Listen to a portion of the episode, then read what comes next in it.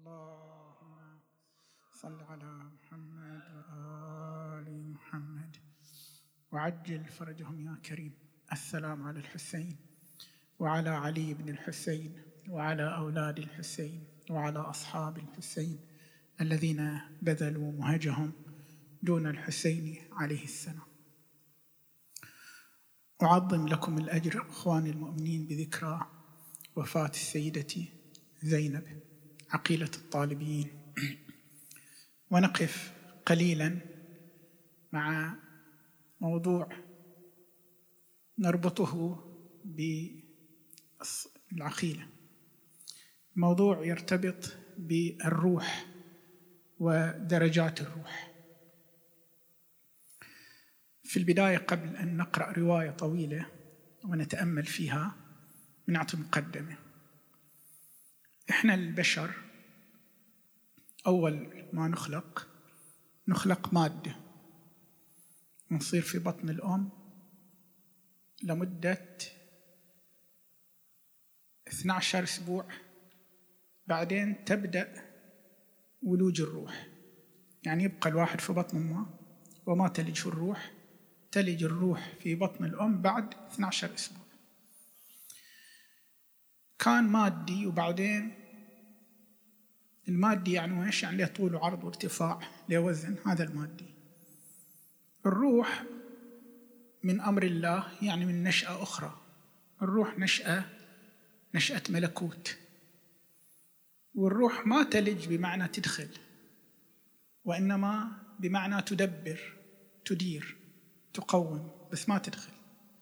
يعني الروح مو داخلنا لأن الروح مو مادية وإنما الروح تدبر البدن. تدبر الجسم تمام؟ أثناء لقاء الروح مع البدن في الأسبوع الاثنى عشر يظهر شيء جديد يسمونه النفس. فحين صار عندنا ثلاثة أشياء. صار عندنا جسم وروح اللي هي من نشأة الملكوت ونفس. النفس تحرك الجسم ولها أغراض في تحريك الجسم. النفس هي اللي نسميها إحنا المزاج. هي اللي عندها المزاج. نقول فلان مثلا عصبي فلان هادئ تمام؟ فلان ذكي. هذا كله شؤون شؤون النفس. أما الروح فشغلها دائما مع مين؟ مع الله سبحانه وتعالى. فكل واحد منا له بدن وله روح وله رابط بين البدن والروح نسميه نفس. هذا حين مقدمة وضحت. وظيفة النفس أن ترتقي بالإنسان حتى توصله إلى وين؟ حتى يصير كائن روحاني. يعني إحنا بالمجاهدة وبالرياضة وبالتعب لازم نوصل إلى درجة نكون كائنات روحانية. إذا اتضحت هذه المقدمة نبغي نسأل سؤال. نبغي نقول قصة ونسأل ونوصف ونقول ليش وشلون. يعني قصة وماذا ولماذا وكيف. ده اللي أبغى أجاوب عليه. القصة وش الفرق؟ ليش نشوف ناس درجة دانية وناس درجة رفيعة؟ وش السبب في تفاوت الناس؟ وبتعبير القرآن. فأصحاب الميمنة ما أصحاب الميمنة وأصحاب المشأمة ما أصحاب المشأمة. والسابقون؟ السابقون أولئك المقربون. إحنا نبغى نفهم هذا الأمر لأنه يرتبط بنا. يقول بذكر, بذكر رواية عن أمير المؤمنين عليه السلام وهي تروى في هذه مروية من كتاب آه، تحف العقول. وهي مروية أيضا رواية أخرى مروية مشابهة مروية في أصول الكافي. المهم الرواية تقول أتاه رجل يعني جل الإمام علي رجل. فقال له إن أناسا يزعمون أن العبد لا يزني وهو مؤمن ولا يشرب الخمر وهو مؤمن. ولا يأكل الربا وهو مؤمن. ولا يسفك دما حراما وهو مؤمن. فقد كبر هذا علي. يعني الراوي يقول إذا كل خطيئة إذا ارتكبناها تنسلخ ننسلخ من الإيمان. فواويلاه لأن إحنا مو معصومين. فإذا بمجرد أن أرتكب خطيئة ينسلخ مني الإيمان يعني مصيبة. فقد كبر هذا علي وحرج منه صدري يعني ضاق صدري حتى أزعم أن هذا العبد الذي يصلي يعني هو في المسجد يصلي يشوف واحد قاعد يصلي يمه يقول هذا العبد عنده كذب كذب كذبة يعني مو مؤمن. وذاك العبد اغتاب يعني مو مؤمن. وذاك العبد ارتكب ذي المعصية يعني مو مؤمن. يقول فحرج منه صدري. حتى أزعم أن هذا العبد الذي يصلي ويواريني وأواريه نقابل بعضنا بعض أخرجه من الإيمان. أقول مو مؤمن. ليش مو مؤمن؟ لأن ارتكب معصية. هذا يسأل الإمام علي. من أجل ذنب يسير أصابه فقال عليه السلام صدقك أخوك. قال أخوك صادق. إذا الإنسان يرتكب معصية وش يصير فيه؟ ما يرتكبها وهو مؤمن. هذه مصيبة. هذا هذا الجواب مصيبة لأن إحنا مؤمنين ولكننا لسنا معصومين. فقد يصدر من أحدنا خطأ. فإذا هذا يسلبنا من الإيمان مشكلة كبيرة. قال الإمام علي صدقك أخوك. إني سمعت رسول الله صلى الله عليه وآله يقول خلق الله الخلق على ثلاث طبقات فأنزلهم ثلاث منازل. فذلك قوله فأصحاب الميمنة ما أصحاب؟ الميمنة هذه درجة. وأصحاب المشأمة ما أصحاب المشأمة؟ هذه درجة نازلة والدرجة الفوق الرفيعة من والسابقون السابقون أولئك المقربون. هذه لين درجتهم فوق. فأما ما ذكره الله عز وجل جل وعز من السابقين السابقين فإنهم أنبياء مرسلون وغير مرسلين. في رواية ثانية قال فإنهم أنبياء مرسلين وخاصة أوليائه. في رواية الإمام الصادق يقول وخاصة أوليائه. هذين وش فيهم؟ هذين سماهم السابقين السابقين. جعل الله فيهم أبغيكم الحين تحفظون. جعل الله فيهم خمسة أرواح. هذه الخمسة أرواح عند مين؟ عند السابقين السابقين. خلني أقول وش معنات الروح بشكل عام وأواصل في الرواية. الروح هي هبة الحياة. يعني إذا تقول روح يعني في حياة. اللي يعطينا الحياة هو الروح. زين الحياة لها درجات. في درجة من درجات الحياة تخلي الجسم يتحول لوردة.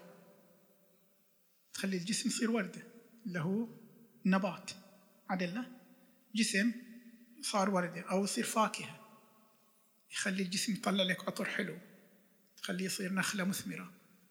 هذا المستوى من الحياة يسمونه حياة النمو. هذه أدنى درجات الحياة. وأنت إذا عندك ولد صغير وتشوفه ينمو ينمو بأي سبب؟ بسبب أن فيه روح النمو. تمام؟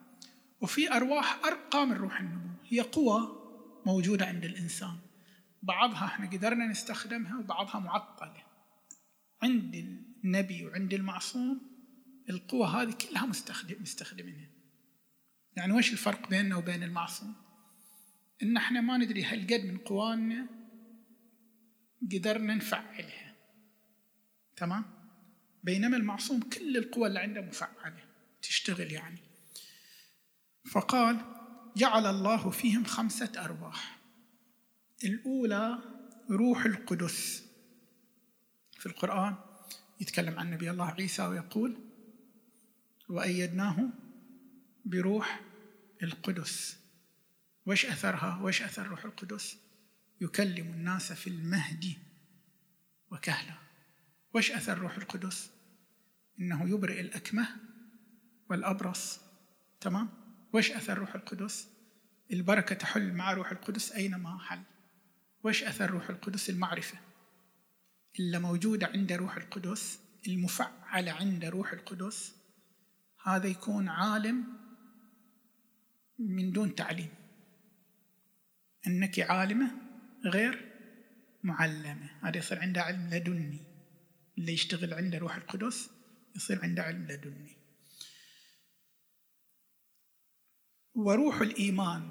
هذه روح الإيمان القرآن يتكلم عن الذين يجاهدون في سبيل الله ويتكلم عن قصة آه، عن قصة المجاهدة والمقارعة مع الأهل والإخوان حتى يقول وأيدهم بروح منه. يتكلم عن المؤمنين ويقول إنهم مؤيدين بروح منه. يعني بأي روح؟ بروح الإيمان. وش خاصية روح الإيمان؟ خاصية روح الإيمان إن تخليك تشعر بهيبة الله. وما ترتكب ذنب لأن الله سبحانه وتعالى مهيب. وأما من خاف مقام ربه ونهى النفس عن الهوى. روح الإيمان هذا شغلة. شغلة في نفس تنهى عن الهوى. هذا روح الإيمان. هذه الروح الثانية. فإذا الروح الأولى كانت روح القدس. الروح الثانية أقل. روح الإيمان. والروح الثالثة عبر عنها الإمام وروح القوة والروح الرابعة روح الشهوة والروح الخامسة روح البدن.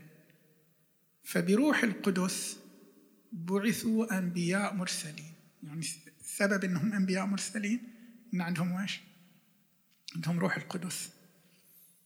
وسبب أنهم عندهم علم وهذا العلم لدني أنهم مزودين بروح القدس. اللي هي أرقى درجات الروح. روح نشطة جدا مباركة وتصنع المعجزة أينما كانت. وبروح الإيمان عبدوا الله ولم يشركوا به شيئا. الحين خلنا أقرب الروح مع النفس لأن إحنا تكلمنا عن النفس. لا النفس بعد اللي هي الرابطة بين الروح والجسم وش نسميها؟ نسميها نفس عدل؟ النفس لها بعد ثلاث درجات. الدرجة اللي تقارب السابقون السابقون أي نفس. الحين عندنا روح هي روح القدس عدل؟ وهي مالت من مالت السابقون السابقون. وش النفس اللي عند السابقون السابقون؟ وش النفس اللي عند هؤلاء؟ عبر عنها القرآن يا أيتها النفس المطمئنة ارجعي إلى ربك راضية مرضية فادخلي في عبادي يعني طريق عبادي يعني لازم تروح من طريق العبادة وادخلي جنتي. يعني إذا تبغي توصل إلى أرقى الدرجات لازم تروح من أي طريق؟ من طريق اللي الله يسميهم عبادي. يكون في زمرة العباد سهل الانقياد لله سبحانه وتعالى. هذا هذا الروح لها نفس يسمونها نفس مطمئنة. والروح الأقل اللي هي روح الإيمان لها نفس يعبرون عنها في القرآن لا أقسم بيوم القيامة ولا أقسم بالنفس اللوامة النفس اللي ما تخليك ترتكب معصية إلا بمجرد تبغي ترتكب معصية تضج. يقول لك التفت حرام ما يجوز واجب. هذه يسمونها النفس اللوامة بحيث يكون اللوم مو مرضي. إذا اللوم مرضي ما تكون نفس لوامة. هذه مالت أصحاب الميمنة. وأصحاب المشأمة عندهم نفس. وش نفسهم؟ الأمارة بالسوء. إن النفس لأمارة بالسوء. فالرواية تقول وبروح الإيمان عبدوا الله. فهذا لين نفسهم؟ يا أيتها النفس المطمئنة ارجعي إلى ربك راضية مرضية فادخلي في عبادي. ولم يشركوا به شيئا. وبروح القوة جاهدوا عدوهم. من اللي جاهد؟ السابقون السابقون. جاهدوا عدوهم وعالجوا معايشهم يعني اشتغلوا. وبروح الشهوة أصابوا لذيذ المطعم والمشرب. في رواية الإمام الصادق يقول وبروح الشهوة اشتهوا الصلاة والصيام والحج. هذا كله إحنا نشتهي. إحنا نشتهي نروح نزور الحسين عليه السلام نشتهي نروح الحج هذا في شهوة عند المؤمن اشتهاء ورغبة. هذا بروح الشهوة. بس هني في الرواية تقول وبروح الشهوة أصابوا لذيذ المطعم والمشرب ونكحوا الحلال من النساء. وبروح البدن يعني روح الحركة. البدن يعني الحركة. في رواية ثانية عبر عنها روح المدرج يعني يمشي روح اللي فيها مشي فيها حركة. دبوا دبوا يعني مشوا على الأرض. ودرجوا فهؤلاء مغفور لهم مصفوح عن ذنبهم. هذا لمين المغفور لهم المصفوح عن ذنبهم. السابقون السابقون أنبياء ومرسلين وخاصة أوليائها الله يقول مغفور لهم مصفوح عن ذنبهم. ثم قال تلك الرسل إنزين هل هذه الروح روح القدس درجة إضاءتها في جميع الأنبياء بدرجة واحدة لو درجات متفاوتة؟ يعني يعني روح القدس اللي عند النبي محمد الضوي. اللهم صل على محمد وآل محمد. وعجل فرجهم يكرم يعني روح القدس اللي عند النبي محمد الضوي مثل روح القدس الموجودة عند نبي الله مثلا إدريس لو مختلف. نورها اللي يسعى بين يديها بنفس الدرجة لو مختلف. القرآن يجاوب. القرآن يقول تلك الرسل فضلنا بعضهم على بعض. منهم من كلم الله ورفع بعضهم درجات. وآتينا عيسى ابن مريم البينات وأيدناه بروح القدس. ثم قال في جماعتهم يعني جماعة الأنبياء وأيدهم بروح منه. يقول أكرمهم بها. وفضلهم على سواها سواهم. فهؤلاء مغفور لهم. هذا يعطيك الجواب. ليش الإمام الجواد عليه السلام يقدر يصير إمام وهو أبو عمر سبع سنوات مثلا؟ ليش الإمام الحجة يصير إمام وهو أبو خمس سنوات؟ ليش السيدة زينب تحفظ خطبة الزهراء وهي أم ثلاث سنوات؟ تمام؟ ليش؟ عندها روح قدس. مستوى الروحاني اللي عندها عالي جدا. مو نبوغ مو ذكاء مو عبقرية. النبوغ والذكاء والعبقرية تفكير. هذا علم واضح ما في جهل. هذا انكشاف تام. ولذلك الزهراء عليه السلام تكلم أمها وهي في بطن أمها. الأم هذا روح قدس. ثم ذكر أصحاب الميمنة. من أصحاب الميمنة؟ المؤمنين. اللي أنتم تأملون تكونون منهم.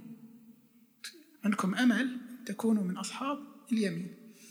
ثم ذكر أصحاب الميمنة. وهم المؤمنون حقا بأعيانهم يعني مو بالهوية. يعني أنت مؤمن حقا يعني أنت تطيع الله تهاب الله تخشى الله ومنقاد إلى الله. فتكون وش الروح اللي عندك؟ عندك روح ما موجودة عند غير المؤمن. يسمونها روح الإيمان. أنت عندك إيمان هو ما عنده إيمان. أنت تعبد الله هو ما يعبد الله. أنت تحب الحسين عليه السلام وهو ما يحب الحسين عليه السلام. فعندك روح عندك حياة ما موجودة عندهم. الدليل أن عندكم حياة ما موجودة عندهم تون الليلة في وين؟ قاعدين في المسجد في ماتم عدل؟ حياتكم هذه. هذه حياتك الواقع. أنت قاعد في ماتم في مسجد. ولا ما عنده روح الإيمان وين بيكون موجود؟ في ملهى يمكن. ملهى من الملاهي قاعد يضيع وقته. ثم ذكر أصحاب الميمنة وهم المؤمنون حقا بأعيانهم يعني وجودهم الواقعي الخارجي مثل ما أنتم قاعدين في المسجد. فجعل فيهم أربعة أرواح روح الإيمان وروح القوة وروح الشهوة وروح البدن. فلا يزال العبد مستكملا يعني روح الإيمان لازم تشتغلون عليه. تشتغلون عليها يعني تحاولون ترقونها. لأن لها درجات. من درجات روح الإيمان؟ الدرجة اللي كانت عند مين؟ عند حبيب بن مظاهر مثلا اللي هو كان صاحب السر عند أمير المؤمنين. من درجات روح الإيمان؟ الدرجة اللي كانت عند ويس القرني عند مسلم عند سلمان واضح له؟ عند عمار عند أبو ذر. حبيب بن مظاهر ليلة العاشر طلب الإذن بلقاء السيدة زينب. وهو معروف حبيب بن مظاهر صاحب من قراء الكوفة صاحب أمير المؤمنين من أصحاب السر يعني من الدرجات العالية في روح الإيمان. يعني من أصحاب الدرجة العاشرة في روح الإيمان. حديث القراطيسي يقول الإيمان على عشر درجات حبيب بن مظاهر من الدرجات الأرقى. وش يقول يوم قبلة السيدة زينب تكلم حبيب بن مظاهر يقول من أنا حتى تكلمني زينب؟ يعني المقام فوق مقامها فوق. واضح له يعني هو يتكلم عن روح فوق الروح اللي عنده درجة عالية من الروحانية. فيقول هذه روح الإيمان اللي أتكلم عنها. فلا يزال العبد مستكملا هذه الأرواح. شغلكم الشاغل حتى ترتقون أن أنتم تكملون أي روح روح الإيمان. هذا الشغل. ده الشيء اللي لازم تجدون عليه. أن روح الإيمان ما تضيع من عندكم. ما تضيع من عندك وما تضيع من عند أولادك. أخطر شيء تضيع روح الإيمان. تصير أقل. مستكملا هذه الأرواح الأربعة حتى تأتي عليه حالات. فقال السائل وما هذه الحالات؟ فقال علي عليه السلام أما أولهن فما قال الله ومنكم من يرد إلى أرذل العمر لكي لا يعلم من بعد علم شيئا واحد كبار يشيب وكان مؤمن. كان ياكم هني في الماتم. صار لي صلاة جماعة. كبر. صار وش صار زهايمر. ما يقدر يصلي. ما يتهجد. ما يتعبد. الحين هذا وش يسوي؟ روح الإيمان اللي عنده فيقول هذه أول حالة اللي يضيع فيها روح الإيمان. فهذا تنقص منه جميع الأرواح. يعني هذا روح البدن تصير ضعيفة وروح القوة تصير ضعيفة وروح الشهوة تصير ضعيفة وروح الإيمان بعد تصير ضعيفة. وليس بالذي يخرج من الإيمان هذا مؤمن. مو لأنه صاد زهايمر تقولون مو مؤمن. لأن الله الفاعل به ذلك. يعني الله اللي سلباه العقل سلباه الإدراك وراده إلى أرذل العمر فهو لا يعرف للصلاة وقتا ولا يستطيع التهجد بالليل. ليش؟ إدراك ما عنده ولا الصيام بالنهار فهذا نقصان من روح الإيمان وليس بضاره شيء. إن شاء الله. يعني مو نجي لواحد نقول الحين هذا مسكين قام ما يصلي وكذا لأنه ما يدرك نقول سوء خاتمة هذا مو سوء خاتمة لأن هذا من الله. سوء الخاتمة؟ اللي الحين بيتكلم عنه. وتنقص منه روح الشهوة. هذا الشخص نفسه الأولي وتنقص منه روح الشهوة. فلو مرت به أصبح بنات آدم. لو مرت بأجمل بنت من بنات آدم. اللي هو الشايب الكبير اللي صايده زهايمر. تمام؟ ما حن إليها ما يطالعها. ليش؟ ماتت عنده روح الشهوة. ما عنده روح الشهوة. وتبقى فيه روح البدن. هذه روح البدن لا تحركه يروح الحمام ياكل يشرب. هذا اللي يبقى عنده. يأتيه الموت فهذا بحال خير. هذا زين ما عنده مشكلة إياه. الله الفاعل به ذلك. وقد تأتي عليه حالات. هذا اللي نخاف منه. هذا اللي ترتبط بنا الموجودين هنا.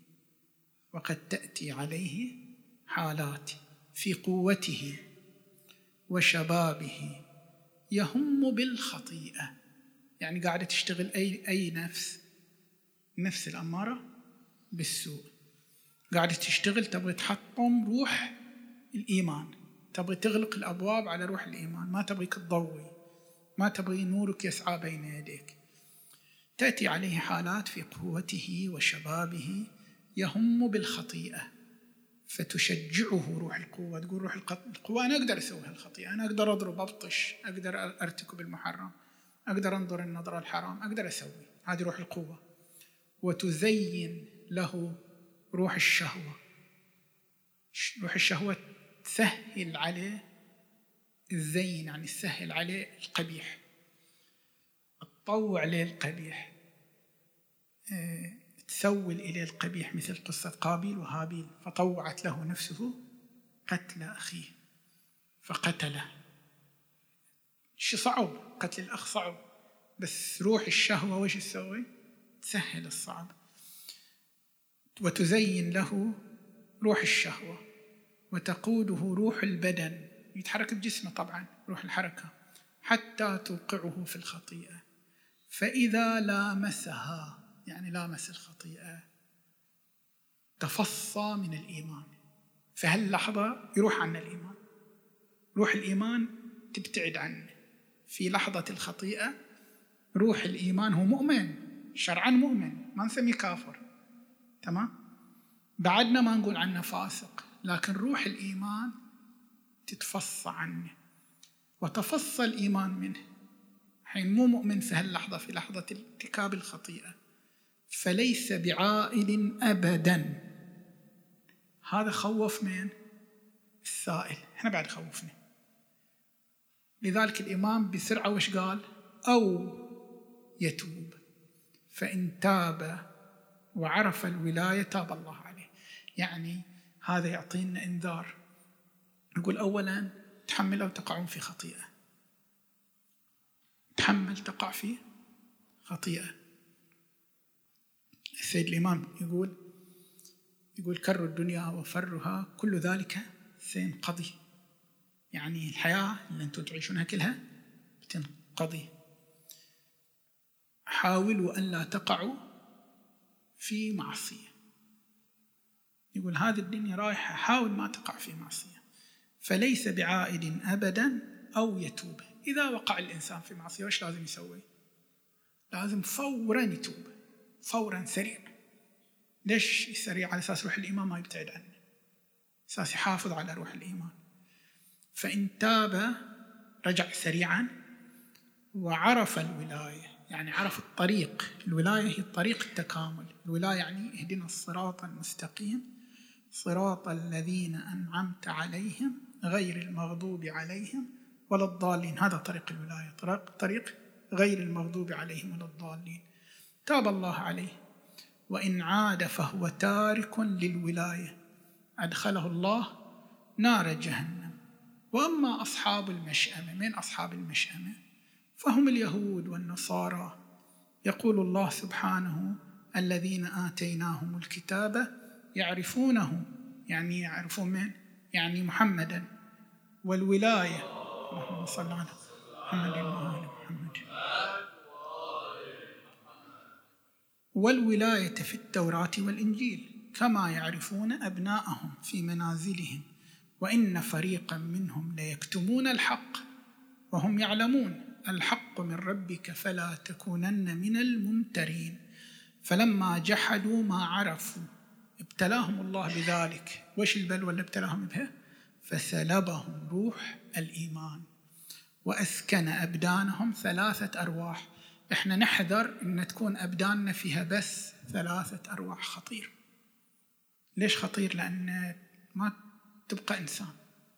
ما تبقى إنسان. تصير درجتك أقل. فسلبهم روح الإيمان وأسكن أبدانهم ثلاثة أرواح روح القوة وروح الشهوة وروح البدن. ثم أضافهم إلى الأنعام.